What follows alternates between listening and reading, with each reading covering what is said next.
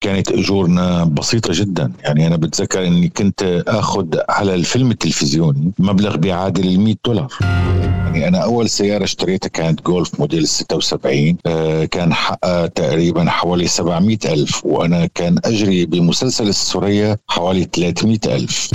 أنا من الناس اللي بكل وضوح بآمن بنظرية المؤامرة. العسكرة شبهها. كانت مطب للحراك السوري؟ لا كارثة طبعا أكيد. صرت ممثل مشهور بالوطن العربي وأنا قاعد بغرفة عند جيران يعني أجار لحد ما اشتريت أول بيت لإلي. وكان بيت يعني بسيط جدا بجديدة عرطوز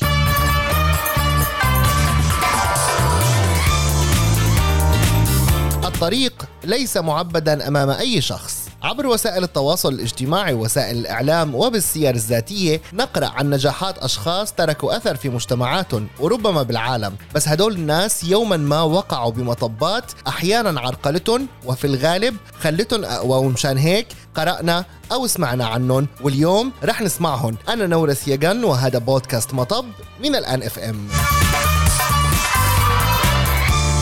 يعتبر واحد من ركائز الدراما التلفزيونية بسوريا واحد من أشهر نجومها بالعالم العربي على مدار ال 30 سنة الماضية. ولد في دمشق لأسرة من تسعة إخوة وعاش طفولة بمرحلة متقلبة في البلاد سياسيا واقتصاديا. عاش طفولة لا يصفها أبدا بالسعيدة ويحكي عنها مواقف عديدة في كل إطلالة إعلامية. طفولة ومراهقة وأيضا مرحلة شباب مبكر مليئة بالصعوبات صنعت لنا اليوم النجم العربي جمال سليمان. ومنها بنتعرف على أبرز المحطات الصعبة في حياته أستاذ جمال أهلا وسهلا فيك ببودكاست مطب. يا أهلا وسهلا أهلا مرحبا كيف تعرف الفشل؟ آه الفشل هو المرحلة اللي بتوصل آه، فيها إنه ما بتعرف اتجاهك ما بتعرف وين رايح آه ما بتعرف شو هو هدفك شو هو طموحك. بس أنا بعتقد إنه طالما أنت عندك هدف و...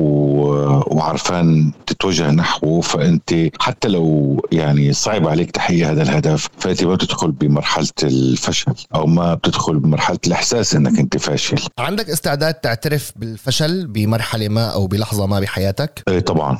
آه صعب كثير آه إنه الإنسان يبقى ما عنده قدرة على الاعتراف بالفشل لأنه آه ساعتها بيعيش من ع... بي يعني بعالم من الوهم. وهي أسوأ شغلة ممكن الإنسان يدخل فيها إنه يعيش بالأوهام. لنعطي الصورة الكاملة. اليوم الناس وقت بتشوف جمال سليمان على التلفزيون مثلا أو على وسائل التواصل الاجتماعي بتشوف رجل آه، ناجح سعيد بحياته عنده عائلته عنده شغله آه، حاضر بعدة مجالات بالفن وبالسياسة وما إلى آخره. هي الصورة قديش كان ثمنها غالي؟ أه بظن إنه غالي جدا بظن. يعني ما كان شيء سهل على فكرة. يعني هلأ بدون أدنى شك من الناحيه المهنية الظروف العامة ساعدتني كثير مثل ما ساعدت كل يعني أبناء جيلي.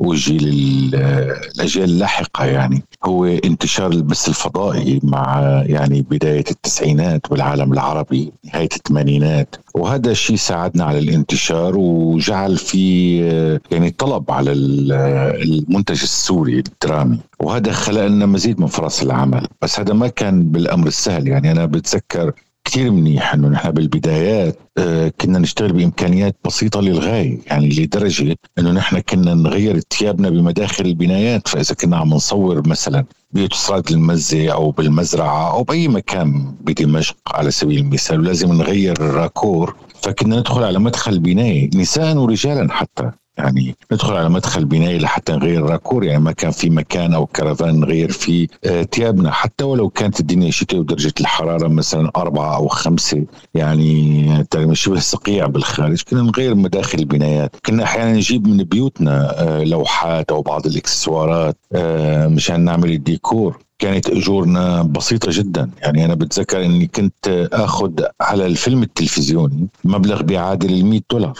يعني سافر مثلا على وادي العيون أو على حلب لحتى أصور فيلم تلفزيوني مثلا آه، أخذ عليه 100 دولار. فكانت آه، الأجور منخفضة والإمكانيات بسيطة جدا والتحدي كتير كبير. بس نحن بهي الظروف قدرنا إنه ننجح وقدرنا نعمل سمعة كبيرة للدراما السورية ونحطها على خريطة الإنتاج العربي ك يعني واحدة من أفضل الدرامات يعني. وقدمنا لل يعني للمكتبه الفنية العربية بعض من من أهم الأعمال العربية بهي الظروف هذا سؤال طبعا خارج النص أو خارج الموضوع كتير كان إيه. يعني موضوع بحث عند المشاهدين إنه الفنان اللبس اللي لابسه هو مثلا ثيابه سيارته هي الخاصة ولا جايبين له إياها تليفونه ولا لا؟ لا كنا نجيب ثيابنا وكنا يعني طبعا ما عندنا سيارة خاصة لأنه ما كان عندنا سيارات. يعني أنا صرت أنا كنت ممثل مشهور وما كان عندي سيارة. يعني كنت آه، أخذ تاكسي. آه، السيارة ما كانت بالمسألة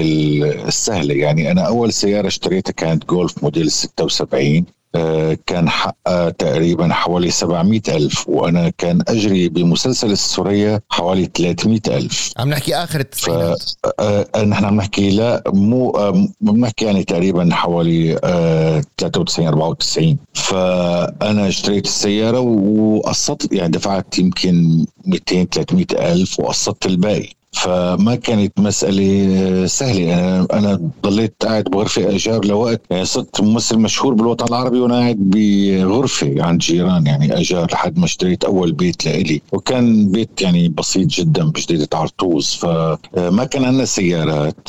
لحتى نستخدمها بالتصوير. بس كنا نجيب ثيابنا وأحيانا كنا نعير بعضنا ثياب يعني أنا بتذكر إنه أحيانا مثلا نبقى نصور مسلسل ففي ممثل المفترض إنه هو محامي ورايح على المحكمة فلازم يبقى لابس جرافيت. بس هو ما عنده جرافيت فكنا مثلا كنت أروح على البيت أنا مثلا نجيب له جرافيت على سبيل المثال. وكنت ومرة أنا مرات كنت محتاج مانطو ل يعني كنت عم أصور مسلسل محتاج مانطو هيك يبقى شكله حلو فخم وما كان عندي فاستعرته من خالد تاجا. استعرت مانطو من خالد تاجا. فيعني كانت الأمور آه، هيك تصير. يعني أنا حكيت على الجانب الفني بس ما حكيت على الجانب اللي بتسموه أنتم سياسي. أنا ما بسميه سياسي يعني بالإعلام بتقولوا عنه. الجانب السياسي أو النشاط السياسي بحياتي يعني. أنا ما بسميه سياسي. أنا بسميه يعني هو يعني سعي من أجل القضية الوطنية أو بسميه أنا واجب وطني. لأنه أنا أعتقد بأنه هذا واجبنا نحن كسوريين إنه نحن ننقذ بلدنا. آه مو نقعد متفرجين أو نساهم بتدميره. فأنا بعتبر نفسي من الناس اللي حاولوا انه يبذلوا مجهود للمساهمة في إنقاذ البلد ضمن اجتهادي وضمن معرفتي. فأنا هذا بعتبره واجب وطني. وهذا كان طبعا ثمنه غالي لأنك أنت فجأة خاصه بعالم السوشيال ميديا اللي هو المفترض إنه هو عالم آه، عفوي أو مساحة للتعبير الحر. من قبل الناس. بس هو الحقيقة ما له هيك لأنه كمان يعني في آه، دول وأجهزة وتنظيمات وجماعات بتستغل هذا المجال آه، بشكل آه، يعني ممنهج لحتى تطعن بمصداقية أشخاص أو دول أو جماعات أو يعني منظمات. فما فبتتعرض لهجمة أحيانا كبيرة وبتتعرض لحملة تخوين وخاصة إذا كان أنت رأيك معتدل وملك داخل يعني بعملية الحرب؟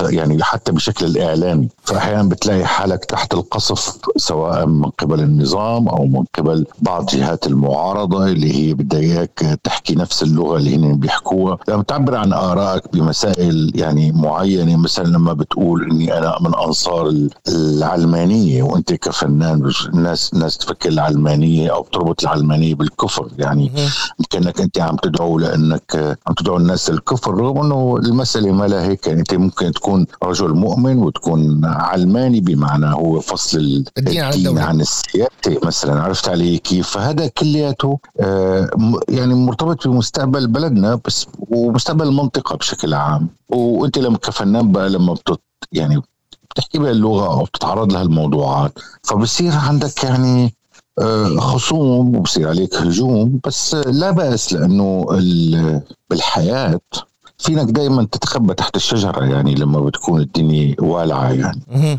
بس هذا هذا مو طبيعتي هذا مو أنا يعني. مو أنا اللي بتخبى تحت الشجرة. تمام.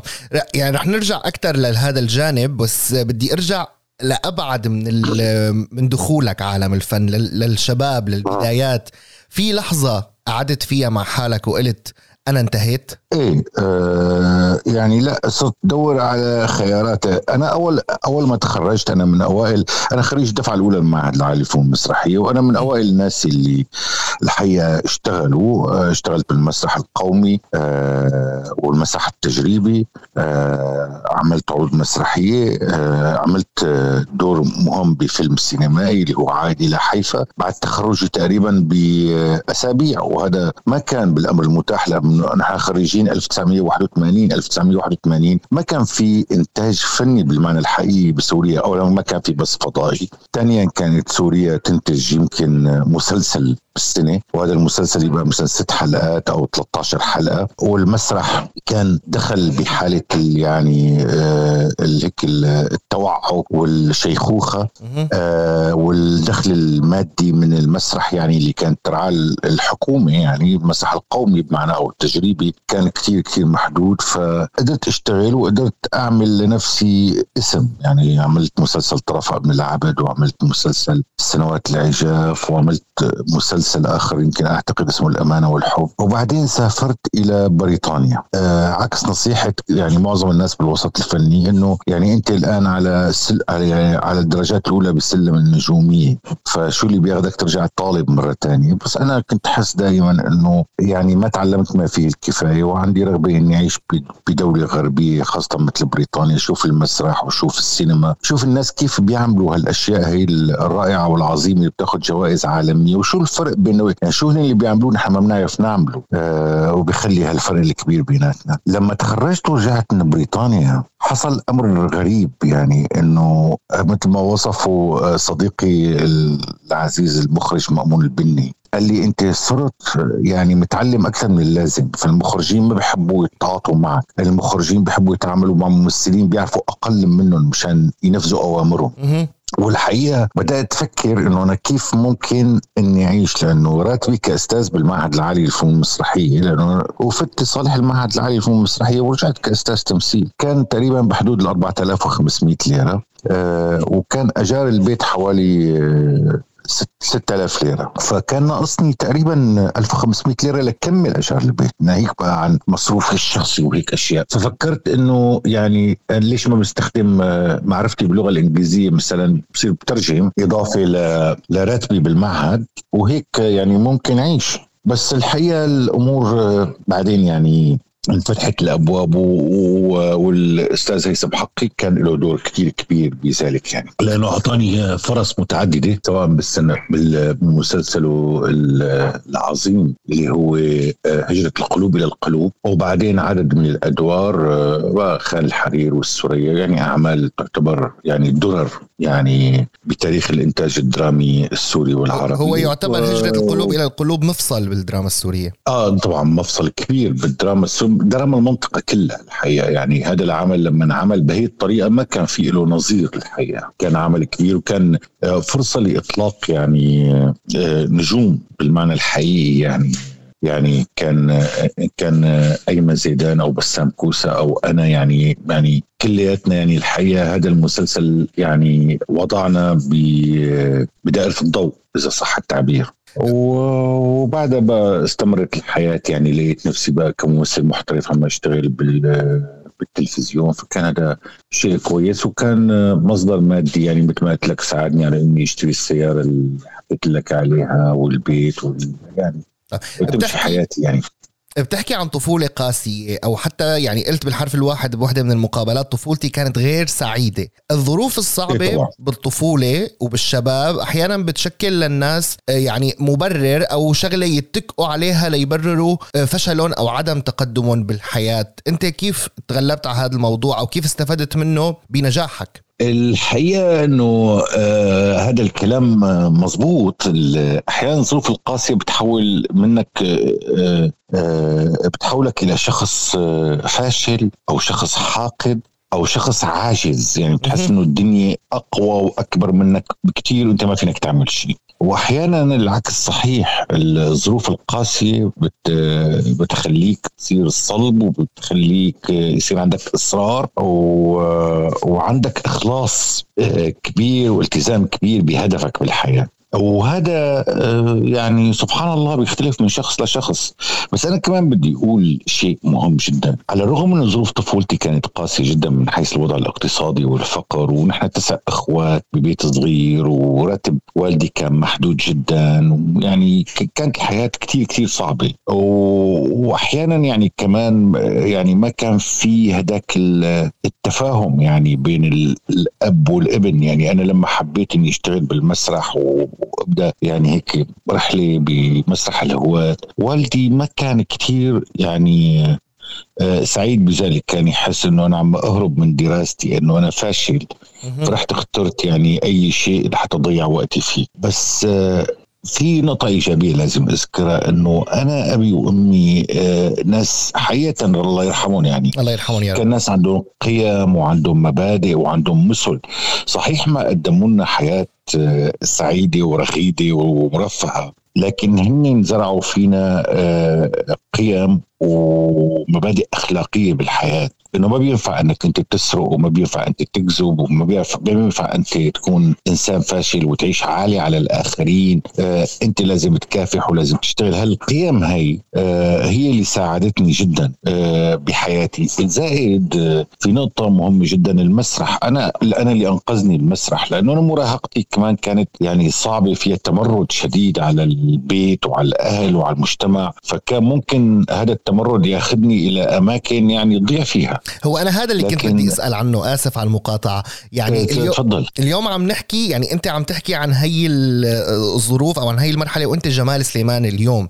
ولكن من من هداك الوقت أنت كيف كنت ناظر لها قديش كانت مشكلت لك ضغط؟ قديش كنت بلحظات تكون بدك مثلا تترك تمشي تهجر تسافر آه، تعمل شيء يغير وضعك؟ شوف أخطر شغلة بحس فيها الشاب المراهق أو بمر فيها هي الشيء اللي بسميه الإحساس بانعدام الوزن. يعني بتحس حالك إنه أنت شخص ما لك هوية ما لك كيان ما لك وجود ما عندك دخل مادي. أهلك مزعوجين من كثير من أفكارك وتصرفاتك تصرفاتك وسلوكك حتى المجتمع ما كثير حابب الشيء اللي أنت عم تعمله. فبتحس حالك ان أنت إنسان غريب وإنسان ما لك أي وزن على الإطلاق. آه الشيء اللي أنا يعني أنقذني من هذا الشعور بهذيك الفترة هو شغلي بالمسرح. لأنه انضمامك إلى فرقة مسرحية وكانت حركة الهواة بسوريا آنذاك حركة قوية ونشيطة جدا ومميزة الحقيقة. كان فيها شباب مثقفين ومن أعمار مختلفة. يعني أنا كنت بفرقة مسرحية كان عمري 15 سنة بس كان في ناس عمرهم 25 أو أو 30 سنة. وهذا الشيء يعني وشباب مثقفين وعندهم تجربة بالحياة كثير كويسة. هذا الشيء أنقذني وحسسني بأنه في شيء ممكن مهم إني أعمله بالحياة. وصحيح كنت عم أعمل أدوار أحيانا بدأت بأدوار صغيرة بس آه إنه تبقى واقف على المسرح والناس عم آه ساكته عم. تسمع اللي عم بتقوله وعم تشوف الشيء اللي عم تعمله على المسرح وبعدين بنهايه المسرحيه تزقف لك وانت تحيي الجمهور بفريق عمل. أو بتحس حالك جزء من أسرة جديده يعني غير أسرتك اللي انت عندك مشاكل مع انت جزء من أسرة مسرحية هدول رفقاتك وأصدقائك وعم تقدم شيء المجتمع يصفق لك آه، بمقابله. فهون بقى بتشعر بأهميتك وبتشعر بكيان بصير عندك إحساس بأنك انت لك لك وزن. وأنا هذا الشيء لعب دور كتير كبير بإنقاذي ومنحني هدف بالحياة مو هدف فقط إني أنا أصير ممثل لا وهذا هي ميزة على فكرة على كل حال بيجي بيجيلي أنا والأجيال اللي سبقتنا يعني. ربما نحن نكون من أواخر الأجيال اللي كان عندها إحساس بهذا الشيء بسوريا هو إنك أنت مو بس تصير ممثل ومعروف أو مشهور بإنك أنت تخدم مجتمعك لأنه المسرح انذاك والفن عموما انذاك كان حقيقة كله متمحور حول قضايا المجتمع ونقاش قضايا المجتمع وتحريض المجتمع على التغيير وعلى بناء حياة أفضل وطرح مفاهيم آه، التحرر والعدالة وإلى آخره. فهذا كلياته آه، لعب دور بتكوين شخصيتي. ونظرتي للفن ولا يزال حتى الآن. أنا لما بيجيني آه، نص تلفزيوني بصرف بصرف النظر عن الأجر وقديش رح آخذ وإلى آخره. بقرأ الورق من منطلق إنه هاد شو يعني الناس بتشوفه مشان شو؟ شو رح يقدم للناس؟ فهي بالنسبة لي أنا مسألة مهمة لأنه أنا باعتقادي أنه الفن له وظائف. صحيح منها الترفيه والتسلية لكن عنده وظيفة تانية أنه يساعد الناس على أنه يتغيروا ويصيروا ناس أفضل آه، يواجهوا مشاكل اجتماعية بعقلية منفتحة آه، ويعني ويخلي الناس آه، تتشارك قصصها. يعني اليوم أنا لما يعني لو أخذنا قصة مراهق على سبيل المثال وضاع يعني مثل ما يعني نعمل مسلسلات كثير بعض المراهقين نتيجة الظروف ظروف معينة أصبحوا متطرفين على سبيل المثال. فأنا بعمل مسلسل عن ذلك فأنا شارك قصة هذا الشاب المراهق مع مع أسر عديدة ملايين الأسر ملايين الآباء وال الامهات زائد ملايين المراهقين حتى يشوفوا الحكاية ويشوفوا القصة ويتعلموا وين المشكلة حتى هذا الشيء ما يتكرر. تمام. والعكس كمان لما بجيب نموذج ناجح أيضا بخلق نوع من الإلهام ونوع من يعني آه التحريض للشباب على إنه يتبعوا يتبعوا هذا النموذج الناجح إنه ممكن أنت حتى لو كان ظروفك صعبة أحيانا تتغلب على ظروفك وتنجح وتصير شخص مهم ومؤثر هو نحن هذا هدفنا بصراحة من هذا البودكاست الحوار مع أشخاص ناجحين حول مسيرة حياتهم لا فعلا ممكن نحقق إلهام لأي حدا عم يسمع كيف هدول الناس اللي هن اليوم آه، مشاهير في المجتمع العربي ومؤثرين في المجتمع العربي وصلوا للمكان اللي هن فيه. هذا نورس بيقودني لشغله مهمة جدا أنا لازم أحكي فيها إذا بتسمح لي يعني أكيد طالما طبعا. إنه هذا هو الغاية من البودكاست أكيد طبعا. لازم نفكر جيدا آه، مين هن نجومنا. هلا النجوم مهمين جدا بالمجتمع. دائما مهمين. شو أهميتهم بالمجتمع؟ مو مشان يورجونا آخر ساعة والله اشتروها أو آخر سيارة أو شو لابسين أو قصة شعرهم أو إلى آخره. ماشي يعني كلياته ما ما عندي مشكلة مع هذا بس في شيء أهم من كل ذلك. هو إنه النجوم دائما بيخلقوا يعني نوع من الإلهام أو الدليل للأجيال إما بالشكل السيء أو بالشكل الجيد. اليوم لما بيبقى عندك أنت مثلا مثلا. على سبيل المثال ولد آه، شاب صغير عمره مثلا 12 13 سنة بيحب ال basketball فلما بشوف مثلا مايكل جوردن حدا مثل مايكل جوردن على سبيل المثال إنه هذا اللي اجى من أفقر وأكثر الأحياء عنفا وانتشارا للمخدرات في أمريكا في نيويورك. وبعدين هو رفض إنه يكون جزء من عصابات الإجرام رفض المخدرات وراح على ملعب ال basketball صار يتدرب كل يوم ست ساعات وسبع ساعات. هذا هذا الشاب صار النجم العالمي مايكل جوردن صار مليونير صار بياخذ على بيعمل إعلان بياخذ عليه ملايين الدولارات. فهذا النجم الرياضي بصير مصدر إلهام. صحيح. ل لشاب صغير موجود بسوريا أو بمصر أو بالسعودية أو أو أو بجنوب أفريقيا أو بأي مكان. العكس كمان صحيح. لما بيبقى عندك أنت نجوم عملوا أموال وعملوا شهرة من لا شيء فبصير في إيحاء للأجيال بأنه آه يعني القصة ما لا ما يعني ما بدها جهد ما بدها تعب ما بدها علم ما بدها شيء هي حظ أو جرأة. انك تتجرأ مثلا إنك تعمل من نفسك ظاهرة على ال social media وأنت بتعرف إنه في فرق بين النجومية والشهرة. يعني الشهرة فينك تحققها بطرق مختلفة. يعني عرفت علي كيف؟ واحد إذا سرق لوحة من متحف مثلا من اللوفر بصير شخص مشهور. يعني الشهرة مسألة وإنك تكون نجم شيء آخر لأنه النجم هو دليل. يعني الناس لما تمشي بالليل تستدل آه، من خلال النجوم على طريقها. فهون هي النقطة أنا برأيي جدا مهمة. ونحن كثير نحتاجها بعالمنا العربي بالمناسبة. اليوم عندك محمد الله يخلي لك إياه على أبواب المراهقة. الله يحفظك ويخليك. رح أكيد يجرب رح يوقع رح ينجح رح يتقدم. كيف بتقدم له تجربتك؟ بتقدم له جمال سليمان النجم الناجح؟ أو الرجل المكافح اللي كمان وقع وقام أكثر من مرة لوصل للي هو فيه شوف أسوأ شيء بيعمله الأب هو يقول لابنه المراهق ولد شوفني أنا ليكني أنا أنا عملت أنا سويت أنا نجحت أنا أنا, أنا. لا أنا برأيي إنه هذا غلط. أنا برأيي إنه تتركه هو يكتشفك بس أنت ارمي له بعض هيك الأشياء اللي تجذبه. واستغل الفرصة أو المناسبة أحيانا حديث بينفتح فأحكي له قصة عن حالك. يعني واستناه هو لحتى يسأل. أنا كثير محمد أحيانا بيسألني إنه أنا لما كنت صغير شلون كنت أعمل شلون كنت أعيش؟ أول مرة اشتغلت قديش كان عمري إلى آخره. أنا مو بجيبه بحطه بقول له أنا وأنا وأنا لا أنا بستنى المناسب لاحكي له عن نفسي عن تجربتي. وفي تجارب ناس تانيين كتير. يعني في تجارب ناس مثل ستيف جوبز. في ناس تجارب لناس علماء كثيرين ناس رياضيين ناس فنانين ناس غيروا مجتمعهم. يعني في علماء رياضيات. يعني في كثير نماذج. وهي النماذج يعني موجود حكي عنها كثير بالكتب موجودة بالأفلام. يعني هي كلها ممكن بشكل تدريجي إنك تشربها بعقل ابنك. اسوء شيء تعمله هي المحاضرات. تلقين. شوف فلان شو آه لا وبعدين تقارنه بالآخرين. إنه شوف فلان عمل أنت فاشل لازم تكون مثل حكايته. المراهق ما بيحب تقول له لازم تكون أنت مثل فلان. هو حطه بالجو بعدين هو شيئا فشيئا والعملية تدريجية شيئا فشيئا رح يحس. إنه هو آه، حابب يكون شخص ناجح حابب يلاقي نفسه. هو بجوز ما يكون يحب يكون مثل فلان وعلان وهذا أحسن إنه هو يكون نفسه. لأنه ما في حدا مثل حدا بس في حدا ملهم لحدا. بس بيلهمك لحدا تكون أنت تثبت ذاتك. آه، نحن بشر مثل بصمات الإيد. نحن آه، متفردين كل شخص متفرد بحاله. وابنك أحيانا ما بيشبه أخواته. ما بالك بقى الناس التانيين. رح ندخل بالمطبات. بالحياة العامة والخاصة آه، بنهاية آه، طبعا يعني وصلنا للقسم الأخير. آه، رح نبدأ بأول مطب عمل بتاريخك الفني بتعتبره مطب ما كان لازم تعمله؟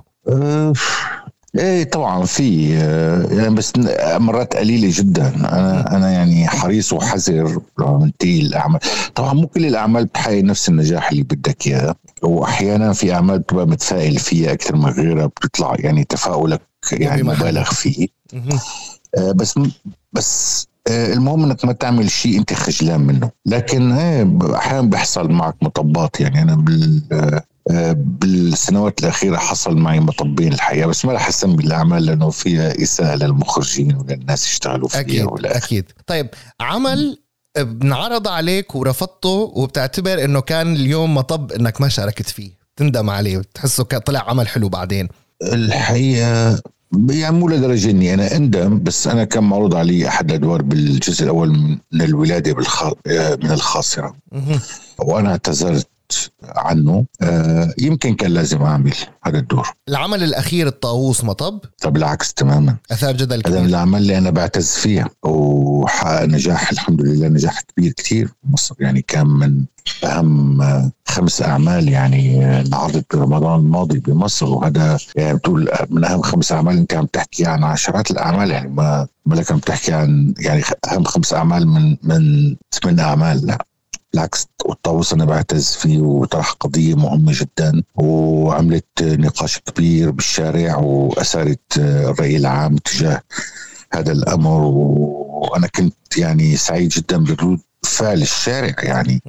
يعني آه، أنا بتذكر إني أنا كنت آه، بقى بالسوبر ماركت أو عم أشتري بطيخ من من واحد على الطريق. فكانوا يقولوا لي باعتباري أنا المحامي تبع أمنية. كانوا يقولوا لي يعني إياك إنك تتخلى عن أمنية دافع عن أمنية. ويعني هذا بالنسبة لي شيء كثير كبير ومهم. هون سؤال يعني كمان خارج الموضوع. مع إنه كثير الحياة تطورت وال social media وصار في معرفة عند الناس آه، بالفن أكثر وبتفاصيل العمل الفني أكثر ليش برأيك بيضلوا الجمهور بيعتبروا إنه الفنان بيمثل الشخصية اللي عم بيقدمها؟ أو إنه إياك تتخلى عن أمنية مع إنه العمل مصور أساسا وانتهى التصوير. آه, آه، لأنه الناس آه، خاصة يعني نحن ببلادنا الناس آه، بتتأثر كثير بالحكاية. يعني أكثر أكثر أكثر يمكن إحنا من أكثر الشعوب تاثرا بالحكاية. وبنحب بنحب نسلم نفسنا للحكاية لما بتنحكى خاصة يعني مع تطور التقنيات و وأساليب التصوير وتطور الأداء والديكورات والإقناع.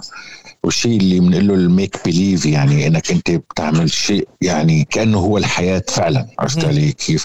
فالناس بتصير إيه طبعا مستسلمة للحكاية، الناس تتأثر كثير بتحب تستمتع بهذا الشيء، وهذا سر الموضوع على فكرة، يعني هي السر آه، مهنتنا يعني على مدى التاريخ إنه الناس تصدق الحكاية. وكل شيء انعمل عبر التاريخ من تطور بمهنتنا سواء من ناحية الأداء الممثلين أو من ناحية الإخراج أو الديكور أو الإضاءة هو إنك كيف تقرب قدر الإمكان من إنه تجعل منها حياة قابلة للإيهام لآخرين بإنه ما يجري يجري الآن وهو حقيقي وهو صحيح. حضرتك كنت من أوائل الفنانين السوريين اللي راحوا لمصر وبعدين صار في موجة من بعد 2005 آه، سلافه سلافه وأخرجي وآخرين كمان راحوا واشتغلوا بمصر. هل هذا كان مطب للدراما السورية؟ لا بالعكس هذا كان اعتراف بأهمية الدراما السوري وأهمية النجم السوري. أنا مو من أوائل أنا أول ممثل آه، سوري. صحيح. بيطلع بيطلع من سوريا وبيعمل دور بطولة. يعني. بطولة مسلسل. أنا في ممثلين راحوا وعملوا دور ضيف أو دور إلى اخره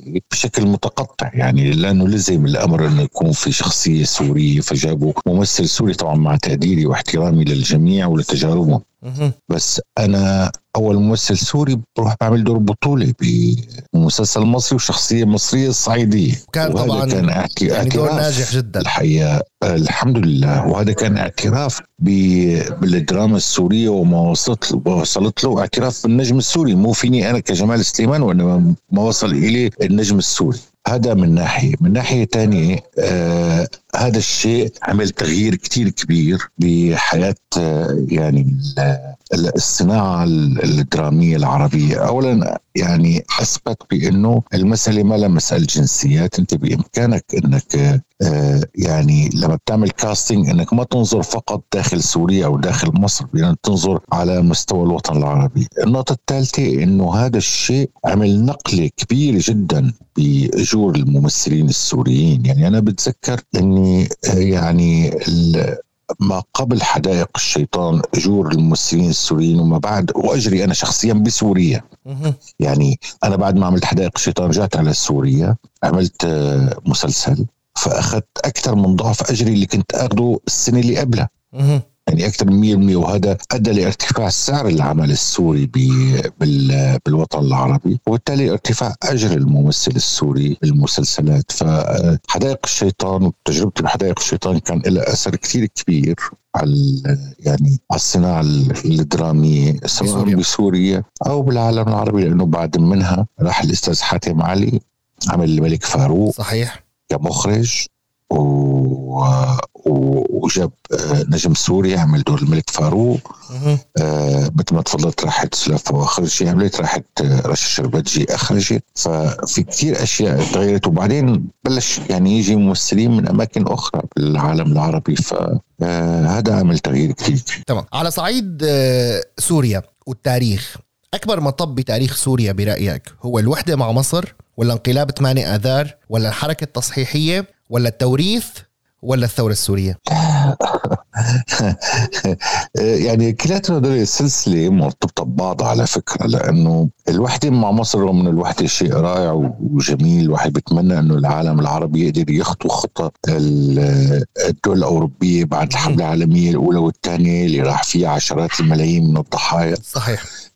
قدروا يعملوا الاتحاد الاوروبي وقدروا يتكاملوا اقتصاديا ويتكاملوا بالسياسات الدفاعية والأمنية وإلى آخره. بتمنى الواحد إنه يشوف هذا الشيء بالوطن العربي ولازم يصير. بس الشكل اللي صارت فيه الوحدة بين سوريا ومصر كان كان طريقه طريقة كارثية الحقيقة، اولا قضت على التجربة الديمقراطية السورية، قضت على آه، التجربة الاقتصادية السورية اللي كانت بصعود الحقيقة. آه طبعا يعني لما بتحكي هذا الحكي الناس بيفتكروك إنك عم تقول إنه سوريا كانت بلد مثالية بالوحدة. لا ابدا ما كانت مثالية. وحتى التجربة الديمقراطية السورية كان فيها كثير من العيوب. بس كانت ببداياتها يعني كانت يعني تنمو. يعني لو استمرت آه بري سوريا بتكون بمكان آخر.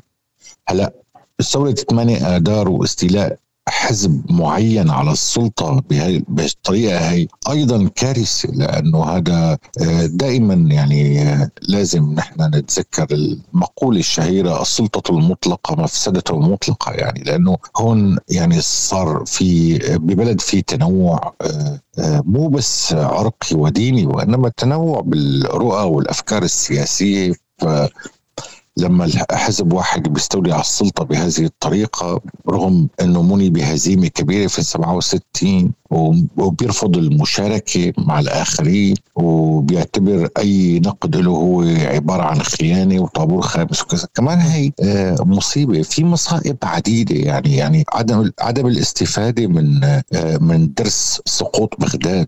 أنا برأيي إنه هذا كان محطه مفصلية أو كارثة كبرى حصلت في سوريا. التمديد لامين لحود إذا بدك الحقيقة أيضا هي كارثه من الكوارث خروج القوات السورية من لبنان. توالت أحداث كثيرة. شوف بالنسبة للتوريث مع إنه من حيث المبدأ الفكرة مرفوضة لكن ما كان في خيارات أمام سوريا غير هذا الخيار. وخاصة أنه بشار الأسد طرح فكرة الإصلاح في سوريا. وهذا ما كانوا بيتمناه السوريين يعني السوريين ما كانوا حابين يكونوا رؤساء يعني يعني ما كان حدا حاطط عينه على كرسي الرئاسة هن بدهم رئيس يبقى منطقي يبقى عادل يعمل مشاريع بالبلد يعزز سيادة القانون آه، يحمي كرامات وحريات المواطنين آه، يعني يزيد من فرص العمل لأنه كان نسبة النمو السكاني في سوريا عم ترتفع. عالية جدا. ونسبة النمو الاقتصادي اللي بيحقق آه، فرص عمل للشباب اللي عم يدخلوا على سوق العمل كان آه، كانت غير متوازنة مع نسب النمو السكاني. وبالتالي كان في عندك بطالة كبيرة. زائد يعني إنه يحل مشكلة سياسات الاستملاك وغيرها من المسائل اللي بحس السوريين إنه فيها ظلم وعم تعرقل يعني آه، طموحاتهم وتمنعهم من التعبير عن إمكانياتهم بالتطوير الاقتصادي وغير الاقتصادي. أنا حددت آه، هاي الأحداث الخمسة. ما كانت المطالب سوري ما كانت المطالب سياسية بقدر ما كانت مطالب معيشية لكن لما المطالب هاي المعيشية ما تلبت تحولت شيئا فشيئا إلى مطالب سياسية. تعبر عنها يعني آه، بالثوره السورية بعد شهرين أو ثلاثة الناس قبل البدايه ما ما طلبت بإسقاط النظام صحيح. ولا رحيل الرئيس ولا إلى آخره لكن لما وجهت بالعنف والرفض والإنكار تحولت إلى مطالب سياسية تتعلق بإسقاط النظام ورحيل الرئيس وإلى آخره. فدخلنا ب يعني بدوامة من العنف انتهت بحرب دمرت سوريا تقريبا. أنا حددت هي الأحداث الخمسة يعني آه، سوريا من الاستقلال كانت خلينا نقول آه، يعني بتقوم وبتوقع مثل ما عم نقول من بداية آه، الحلقة. فترة منيحة فترة لا فترة منيحة فترة لا. فكنت حابب حدد من وجهة نظرك تحديدا شو هو الحدث يعني اللي خلينا نقول يعني دك الاسفين الاخير في في في مسيرة سوريا وخلاها بمسار منحدر. فشل النظام بعقد حوار وطني ينقذ البلاد ويحدث نوع من الإصلاح السياسي. العسكرة كانت مطب للحراك السوري؟ العسكرة شبهها كانت مطب للحراك السوري؟ لا كارثة طبعا أكيد. يعني شوف في أشياء هي عبارة عن نتائج. آه انتبه أنا بس بدي أقول هون نقطة مهمة جدا. أنا من الناس اللي بكل وضوح بأمن بنظرية المؤامرة. وأنا برأيي إنه الشعوب والدول تتآمر على بعض طوال الوقت من أجل تحقيق مصالحها. فكان في مؤامرة أكيد ضد سوريا لكن المشكل إنه نحن فرشنا السجاده الحمراء لهذه المؤامرة لما رفضنا إنه نعمل حوار وطني يجمع كل الأطراف ونعمل إصلاح سياسي حقيقي إصلاح قانوني حقيقي إصلاح اقتصادي حقيقي لحتى نقدر نخلص من هالورطة اللي نحن فيها بأقل الخسائر يعني فهذا هي كارثه ونحن على فكرة انت بالاشياء اللي عددتها نسيت نسيت تعدد آه، انقلاب حسن الزعيم. انقلاب حسن الزعيم هو الاسفين الأول. إذا كان آه، عم نحكي على الاسفين الأخير هو الاسفين الأول بالحياة السياسية السورية. هو انقلاب حسن الزعيم يعني أول انقلاب عسكري بالمنطقة على الحكم الشرعي المنتخب. ف وما تبعه من سلسلة انقلابات. آه، يعني الحقيقة أدخلت البلد بحالة يعني آه، من عدم الاستقرار وحالة أيضا من الشك بشرعية الحكم. يعني صار الحكم ينظر له على أنه أمر واقع ومطاع ولكن الناس ضمنيا لا تعترف بشرعيته بالنهاية سؤال ختامي سيطرح على جميع الضيوف طبعا. آه، جمال سليمان اليوم بتقول عن نفسك أنا شخص ناجح؟ تعتبر نفسك شخص ناجح؟ نسبيا إيه. نسبيا. لا مو دائما بس مش الحال. لأن في رفض دائما في رفض أو أو خلينا نقول يعني وقت الواحد بيقول عن حاله ناجح بيقولوا مغرور شايف حاله معتد بنفسه. قديش لازم الإنسان يكون. يعني أو إيمت بنسمح للإنسان يكون فخور بنجاحه دائما لازم لما تبقى ناجح تبقى فخور بنجاحك والفخر بالنجاح ما بيعني ابدا إنك تكون مغرور الغرور هو آه على فكرة يعني آه بيتولد لما أنت بتبقى متوهم النجاح أو أعطي نجاحك حجم أكبر من حجمه. آه هون بيبقى في غرور. في فرق كتير كبير بين إنك أنت تكون مغرور وبين إنك أنت تعرف الآن أين تقف. يعني كمان التواضع الكذاب والمفتعل كمان يعني شيء غير لطيف برايي أنا آه لازم تكون موضوعي آه يعني على فكرة واحدة من الشغلات اللي الواحد بيتمناها دائما وبيدرب نفسه على إنه آه يمتلكها هي قدرته على تقييم ذاته والوضع اللي هو فيه. لا بجوز إنك أنت تبقى نظرتك لذاتك نظرة دونية وتحس حالك إنك أنت ما عملت شيء وما حققت شيء. ولا بجوز انه يبقى نظرتك لذاتك وهمية يعني إنك أنت مفكر حالك يعني بطل العالم وأنت في ألف واحد واقفين قدامك يعني أو واقفين بمنطقة أعلى من المنطقة اللي أنت واقف فيها. الصبح وانت, وإنت عم تغسل وشك بتحكي مع المراية بتقول أنا جمال سليمان أنا أنا الفنان أنا فنان صف اول أنا نجم. لا اطلاقا. الحقيقة انه إنه بس يعني يعني العرض اللي عمله خلاص بصرف النظر إذا نجح والناس كتير حبته أو مرور الكرام والى بصير الإنسان عم يفكر بال... بالشيء القادم. لا أنا ما أنا ما بقول لا أنا جمال سليمان ولا بطلع بالمراية ولا شيء لأنه ليه؟ لأنه على فكرة النجاح مو هو عمل واحد ولا هو بسنة أو سنتين فترة معينة بحياتك وخاصة بمهنتنا. السؤال إنه كيف أنت تضلك نجم كيفك إنك تضلك عم تشتغل؟ كيف إنه تضل الناس تحترم الشيء اللي أنت عم تعمله؟ ما تكون آه، يعني فاكهة موسمية انتهت وراحت.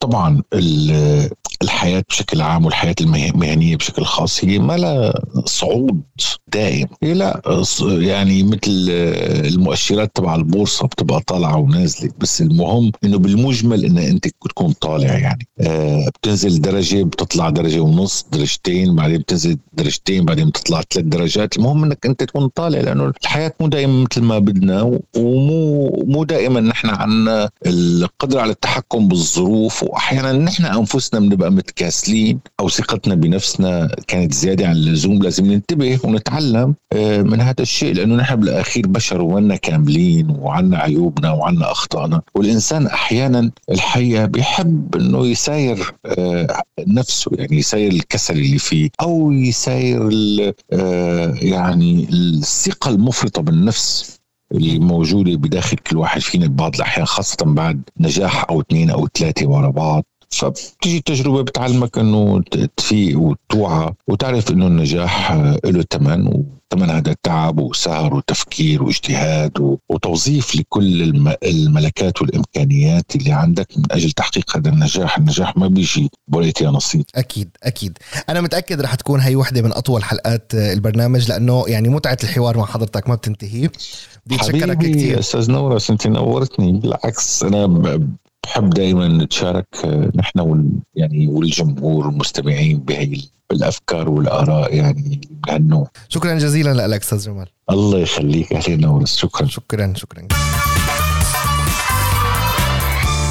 في زمن النجاح الصعب والنجومية التي تحتاج متطلبات كبيرة شق جمال سليمان طريقه ليكون رقم صعب في الدراما العربية. فمهما كانت تقلبات السوق وعمليات الإنتاج يبقى اسمه في الصف الأول بين المرشحين لأدوار البطولة. من هنا نبدأ رحلة مطب. ونتابع في الحلقات القادمة التعرف على شخصيات عربية شقت طريقة للصف الأول في عدة مجالات وتجاوزت كل المطبات ولعبت دور البطولة. لكم تحيات نورة سيغان معدا ومقدما فريق عمل الآن FM وحتى الأسبوع المقبل ضلوا بألف خير وإلى اللقاء.